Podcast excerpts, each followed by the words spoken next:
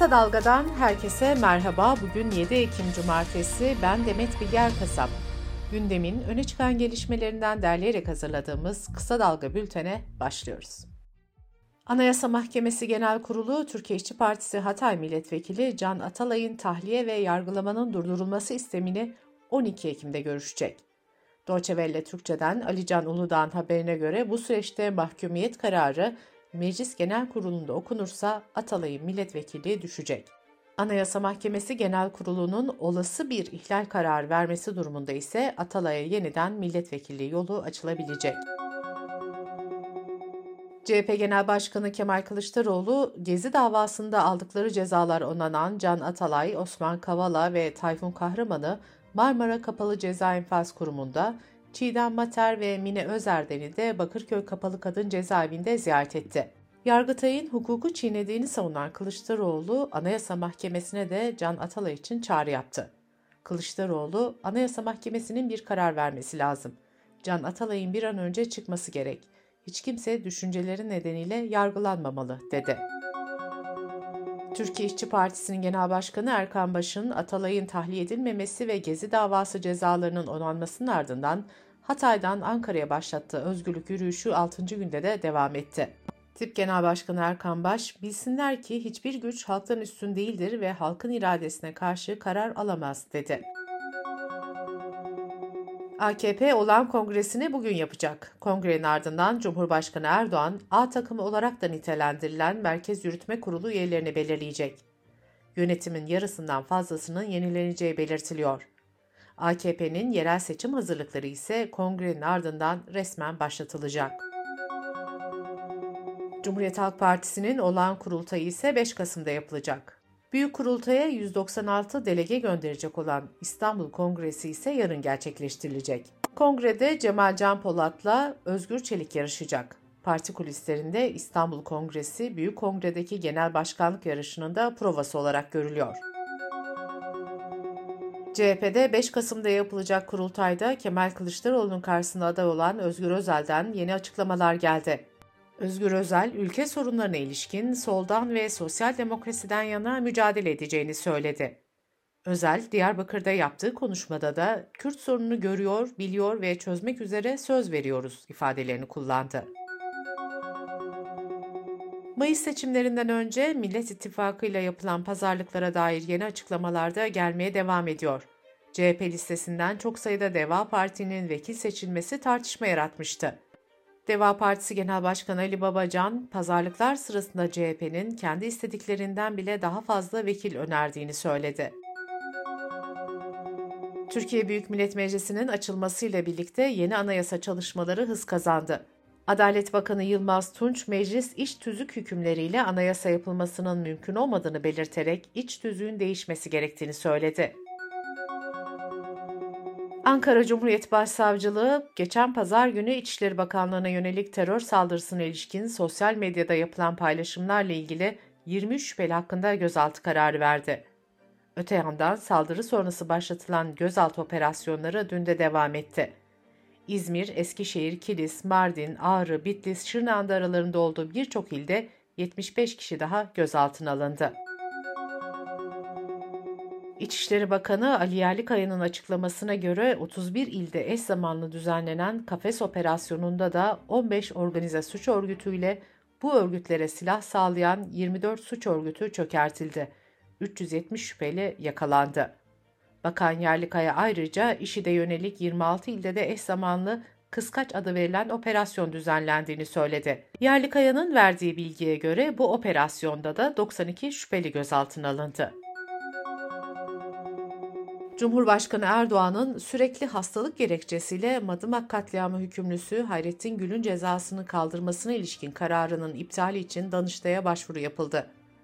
Doğçe Welle Türkçe'den Ali Can Uludağ'ın haberine göre Madımak'ta katledilen Hasret Gültekin'in eşi Yeter Gültekin adına yapılan başvuruda Erdoğan'ın insanlığa karşı suçlarda af yetkisini kullanamayacağı vurgulandı.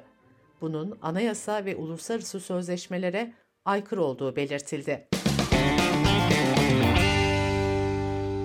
Kısa Dalga Bülten'de sırada ekonomi haberleri var. İstanbul Planlama Ajansı öğrenci yaşam maliyeti araştırmasının sonuçlarını açıkladı. 3 kişilik bir evde kalan bir öğrencinin aylık maliyeti bir yıl içinde %134 arttı ve asgari ücretinde üstüne çıkarak 12.535 liraya yükseldi. Bu maliyet daha önce 5.000 liraydı. 2022-2023 eğitim öğretim döneminde özel yurtta kalan bir öğrencinin barınma harcaması aylık 3300 liraydı. Araştırmaya göre bu dönemde bu harcama 10 bin lirayı aşmış durumda. İki kişiyle birlikte kiralık evde oturan bir öğrencinin barınma harcaması ise geçen yıl 1900 lirayken bu yıl 6250 liraya çıktı. Barınma harcaması geçen yıla göre yurtta kalan öğrenci için %213 oranında arttı. Evde kalan öğrenciler için bu oran %228 oldu. Cumhurbaşkanı Erdoğan'ın imzasıyla resmi gazetede yayınlanan karara göre 6 Şubat depremlerinde yapıları orta ve daha fazla hasar görenlere kredi desteği verilecek. Konut için 750 bin lira, ahırı bulunan konut için 1 milyon lira, iş yeri için 400 bin liraya kadar kredi desteği sağlanacak. Hibe yardımı ise nakdi olarak konut için 750 bin lira, iş yeri için 400 bin liraya kadar yapılacak. Rekabet Kurulu deprem bölgesindeki 11 ilde 46 hazır beton firmasının ortaklaşa fiyat tespit ettiği şüphesiyle ön inceleme başlattı. Sabahın haberine göre soruşturmalar çimento, gıda, temizlik ürünleri ve diğer sektörlere de sıçrayacak. Rekabet Kurulu Başkanı Birol Küle, deprem bölgesinde iki haftadır karargah kurduklarını belirterek yerinde inceleme yaptıklarını söyledi.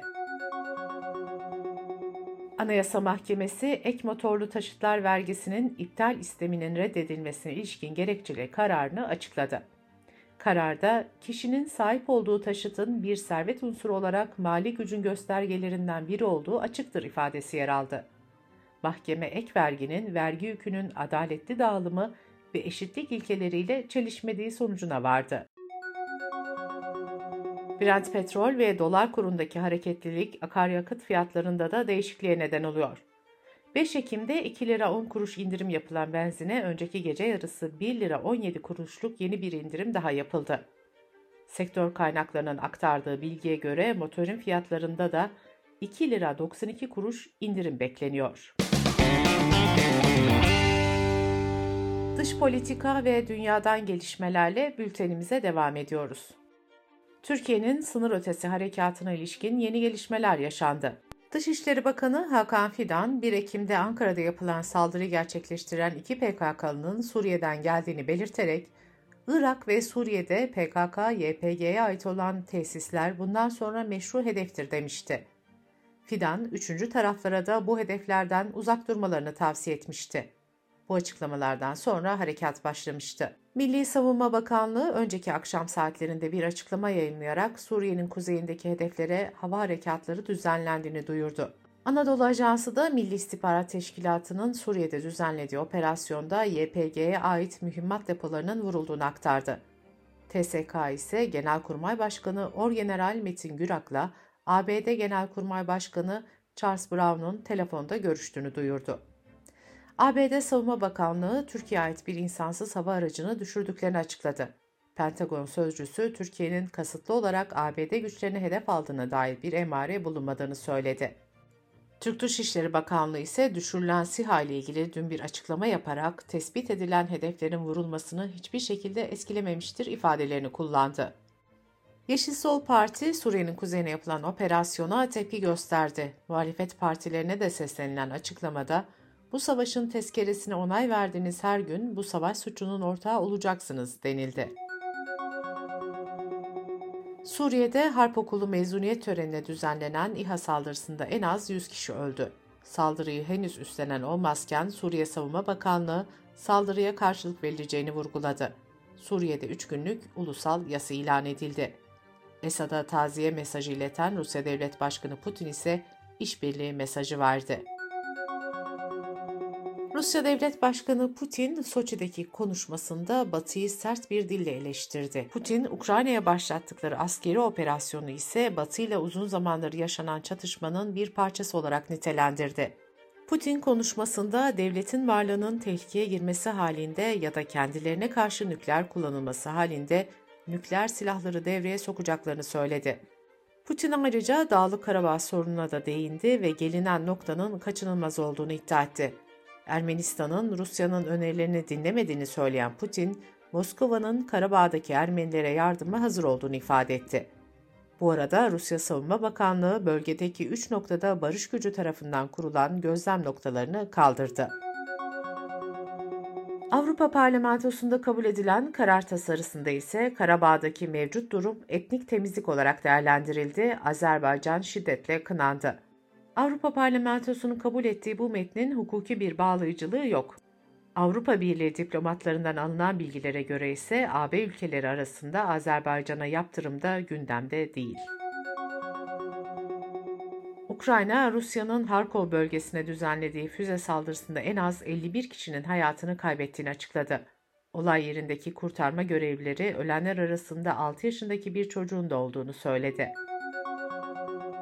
Nobel Barış Ödülü'ne İran'da tutuklu bulunan insan hakları aktivisti Nergis Muhammedi layık görüldü. Norveç Nobel Komitesi Muhammedi'nin kadınlara yönelik baskıya karşı mücadelesine vurgu yaptı. Bültenimizi kısa dalgadan bir öneriyle bitiriyoruz. Yeşim Özdemir'in Türk sinemasının kan yolculuğunu anlattığı podcast serisini kısa dalga.net adresimizden ve podcast platformlarından dinleyebilirsiniz.